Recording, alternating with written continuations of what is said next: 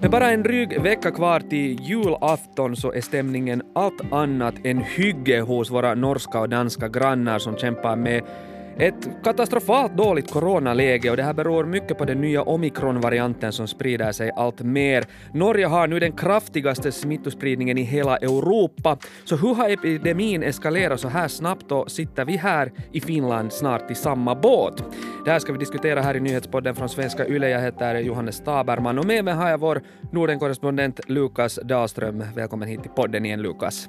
Tack så mycket, kul att vara med. Ja, mindre kul är det att det, det, det inte råder så hemskt uh, mysig julstämning i Norden just nu, i synnerhet inte om man tittar på Norge och Danmark, för enligt färska dystra prognoser så kan Norge i värsta fall snart vara uppe i 300 000 nya coronafall om dagen, vilket ju låter helt absurt och otroligt. Kan det här verkligen stämma, Lukas? Eh, det skulle ju betyda att alla norrmän skulle få corona på bara några veckor. Ja. Uh, och det låter ju helt galet, och det är ju en, liksom en projicering, inte en prognos från uh, norska folkhälsoinstitutet uh, om hur det skulle kunna se ut i värsta fall om man inte stänger ner samhället med fler restriktioner och åtgärder för att stoppa smittspridningen. Uh, alltså en datorsimulering egentligen, har inte egentligen så jättemycket att göra med verkligheten. Men det är farligt att slänga ut sig en sån här siffra, tänker jag, och tala om projicering när folk ändå kanske inte riktigt förstår vad det innebär. Nej, precis. Uh, I Finland har man ju flyttat val också på grund av olika projiceringar och prognoser, så att uh, under tisdagen så har man påmint folk om att det här inte är en prognos utan en teoretisk modell som inte är realistisk, men den visar spridningspotentialen i den här omikronvarianten som man tror att kommer att bli dominerande i Norge innan jul. Uh, så, så här kunde den spridas om man inte försökte stoppa den. Och det är också viktigt att komma ihåg den här uppskattningen eller projiceringen gjordes före statsminister Jonas Gahr Störe under måndagskvällen gick ut och sa att man nu kommer med ännu fler restriktioner för att minska på smittspridningen. Men onekligen, det som du säger, det sprider ju en del oro och kanske lite skräck bland befolkningen när man kommer med sådana otroliga siffror. Precis, så vi ska inte hänga upp oss på den siffran, men, men den stora bilden kvarstår ändå, det vill säga att, att coronaläget har förvärrats betydligt i Norge och det har gått ganska snabbt. Va, vad är det som har gått fel där? Det är ju intressant med Norge, för om man jämför med Finland så var läget bättre i Norge i mitten av oktober. Finland har ju haft ganska jämntjockt med coronafall under mm. hela hösten, eh, och nu har man förstås gått upp. Eh, men Norge var nere på ganska låga nivåer, men sen händer någonting. Mot sådär slutet av oktober och under november och december pekar incidensen och coronafallen rakt uppåt i Norge nästan, och i Danmark, medan Finland och Sverige fortsätter uppåt i en ganska sådär maklig takt egentligen. Mm. Och i Norge kommer åtminstone det här crescendo, då omikronvarianten äntrar scenen och gör norska julbord kända världen över. Mm -hmm. uh, för det var i slutet av november, 26 november, så samlades 120 anställda vid ett norskt energiföretag i centrala Oslo för en julfest och en majoritet av gästerna, plus 60 andra som besökte samma restaurang, eh, testade sen positivt för corona och norska myndigheter tror att de flesta smittades med omikronviruset. Och det här blev också det första kända, den första kända superspridarhändelsen med den här nya varianten. Och efter det så har smittan bara ökat i Norge. Yeah. Uh, och nu tror man att, då, som jag sa, att omikronvarianten kommer att ta över helt och hållet, uh, bli mer dominerande än deltavarianten redan före jul, vilket säger en hel del om, om dens spridningspotential. Och det, lite på 100 personer vårdas nu på intensivvårdsavdelning, så redan nu är trycket ganska hårt, men man tror och befarar att trycket på sjukvården kommer att öka ännu mer. Du var inne på det här ökända norska julbordet, och, och, och, är det nu så att man i Norge står inför ett någon form av julfestförbud. För jag menar, norska regeringen drar nu i nödbromsen och inför bland annat alkoholstopp och dansförbud på alla barer och krogar. Så jag menar, vad betyder det här nu för, för norrmännens julfirande i praktiken? Det betyder att det blir en lugn jul. Ja. Man får alltså inte dricka alkohol någonstans förutom hemma då. Uh, man måste hålla en meters avstånd till varandra, uh, och de här två reglerna, om man ställer ett plus ett ihop så innebär det i princip då att diskotek och dansrestauranger måste stänga i Norge, så man får åtminstone inte få ut och, och fira jul på krogen. Uh, och sen får man högst samlas 20 personer, det är ändå ganska många människor på privata sammankomster. Och det har också Jonas Gahr Støre, statsministern från Arbeiderpartiet, sagt att det blir en jul. Alla får åka hem till sin familj under julafton. Och det är kanske lite skillnaden från tidigare nedstängningar, om man så vill. Då har man tidigare sagt att hej, nu träffa inte någon, men mm. här vill man fortfarande ändå att folk ska ha något, något slags vanligt liv och ändå få fira jul åtminstone tillsammans med sin familj. Mm. Så julen är inte liksom hotad, men, men, men hurdana reaktioner har ha, ha, ha det här liksom eh, restriktionerna väckt bland norrmännen? Man har varit orolig, speciellt från uh, olika restaurangers del. Idag kom man med ett stort paket som ska hjälpa uh, de som drabbas ekonomiskt av de här restriktionerna. Men såklart, jag menar, det här är ju en uh, hel näring nu som igen drabbas hårt av coronarestriktioner. Så men samtidigt så har smittotalen gått upp så otroligt snabbt i Norge, så det finns ju förstås en förståelse också för att man måste göra någonting, speciellt när man ser att trycket på sjukvården också ökar. Ja, du säger att det ökar. Hur, hur kritiskt är liksom läget där? Börjar sjukvården gå helt på knä nu där i Norge?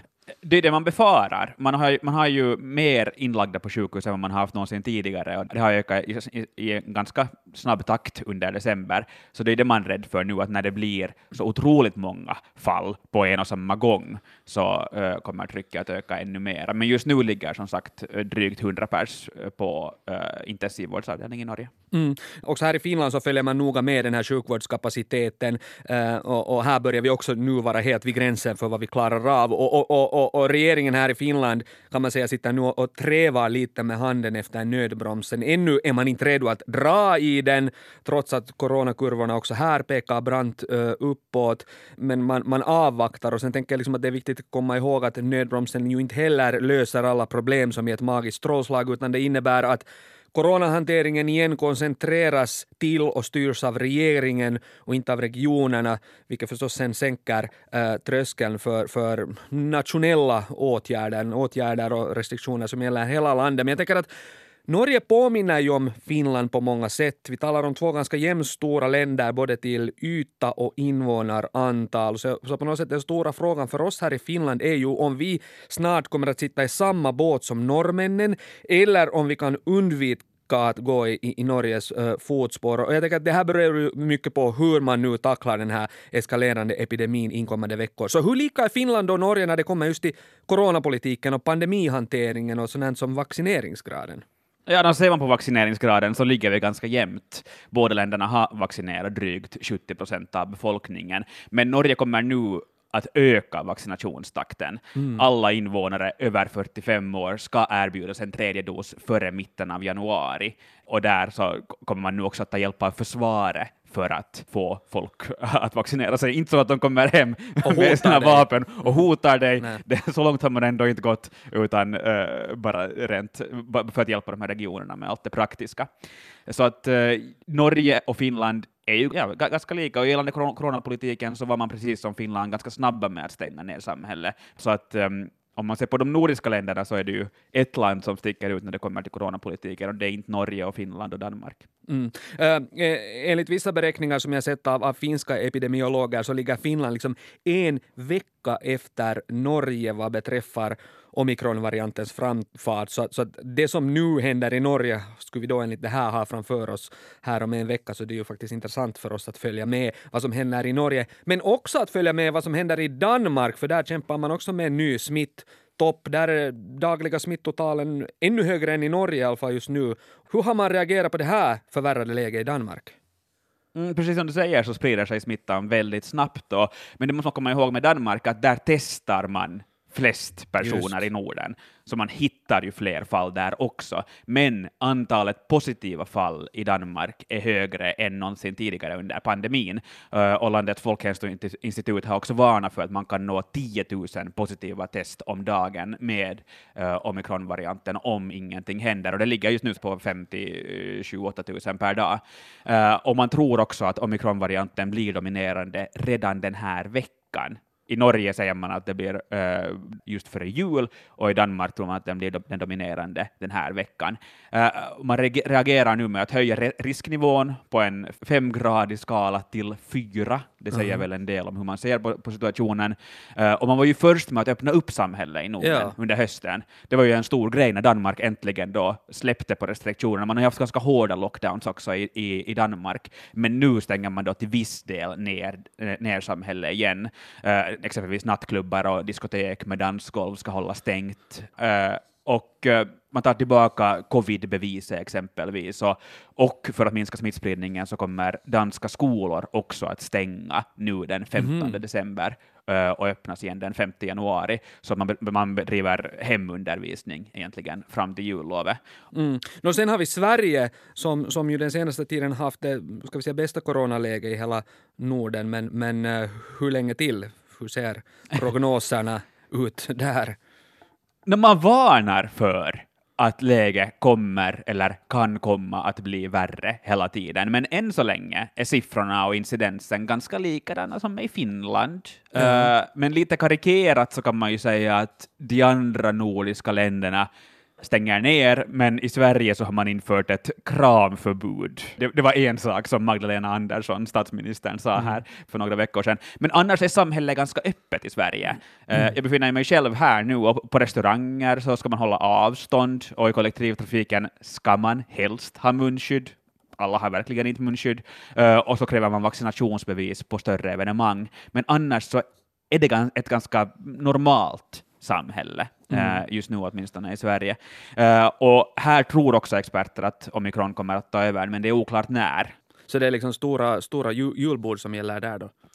Vissa regioner har förbjudit julbord, medan okay. andra har julbord. Uh, här, mina grannar uh, som är restaurang har haft julbord hela veckan, men uh, i Göteborg exempelvis så har man förbjudit julbord. Ja.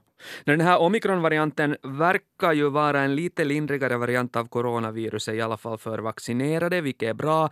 Det här är ännu inte helt bekräftat, man utreder ju de här sakerna fortfarande, men allt pekar på att den smittar jättelätt, sprids jättesnabbt och här i Finland verkar också hälsoexperterna överens om att alla kommer att få någon variant variant av coronaviruset förr eller senare och, och, och enligt vissa hinner den här omikronvarianten också här bli dominerande redan före jul. Och då är det den här vaccineringen av alla ju nu liksom prioritet ett, att få alla att få den här första, andra och sen till och med den här tredje dosen av vaccineringarna. Men, men, men hur mycket talas det om ett vaccintvång i Norden? Förs det alls en sån här diskussion? Vi ser ju det på andra håll i Europa. Absolut, eh, och direkt när var det Österrike som var först ut med det här vaccintvånget så mm. började man ju diskutera det också här på nordligare breddgrader, och i Norge pratar man om att det inte ska finnas ett obligatoriskt vaccintvång, men ett moraliskt sådant. Okay. Och det är väl samma sak i ja. Sverige och Finland och i Danmark. Och, så nej, det har inte varit aktuellt med vaccintvång i Sverige och i Norge. I Danmark kan anställda krävas på coronapass Uh, och i Sverige har också ett utökat vaccinationspass diskuterats, så att uh, nej, det finns ingen vaccintvång och det verkar inte som att man kommer att införa det heller. Nej, jag menar i sig så skulle ju ett vaccintvång eh, vara effektivt mot det här virusets spridning, men jag funderar hur bra går sådana här tvångsåtgärder ihop med det liberala Nordens mysiga självbild, skulle du säga? Men jag tycker jag, jag tycker jag har sett mer diskussion och vilja till att hålla samhället öppet den här gången. Mm. Man vill prata om att, att, att man ska få leva sina liv helt normalt, man ska inte komma med så här jätte jättehårda restriktioner. Eh, det var liksom egentligen första gången jag hajade till och fick eh, flashbacks till coronavåren 2020 var under måndagen då statsminister Störe kom med de här nya restriktionerna gällande alkohol i Norge, för då kom ett sådant tvång. Men i övrigt ganska lugnt på den där fronten, eh, och det är ju väldigt viktigt att befolkningen själv ska få bestämma. Speciellt här i Sverige talar man ju jätte jättemycket om att det egna ansvarstagandet är bättre än tvångsåtgärderna. Och när man har diskuterat att ska man utöka det här vaccinationsbeviset till andra evenemang och evenemang med färre personer, till restauranger och så vidare, så har det varit ganska mycket motstånd mot det.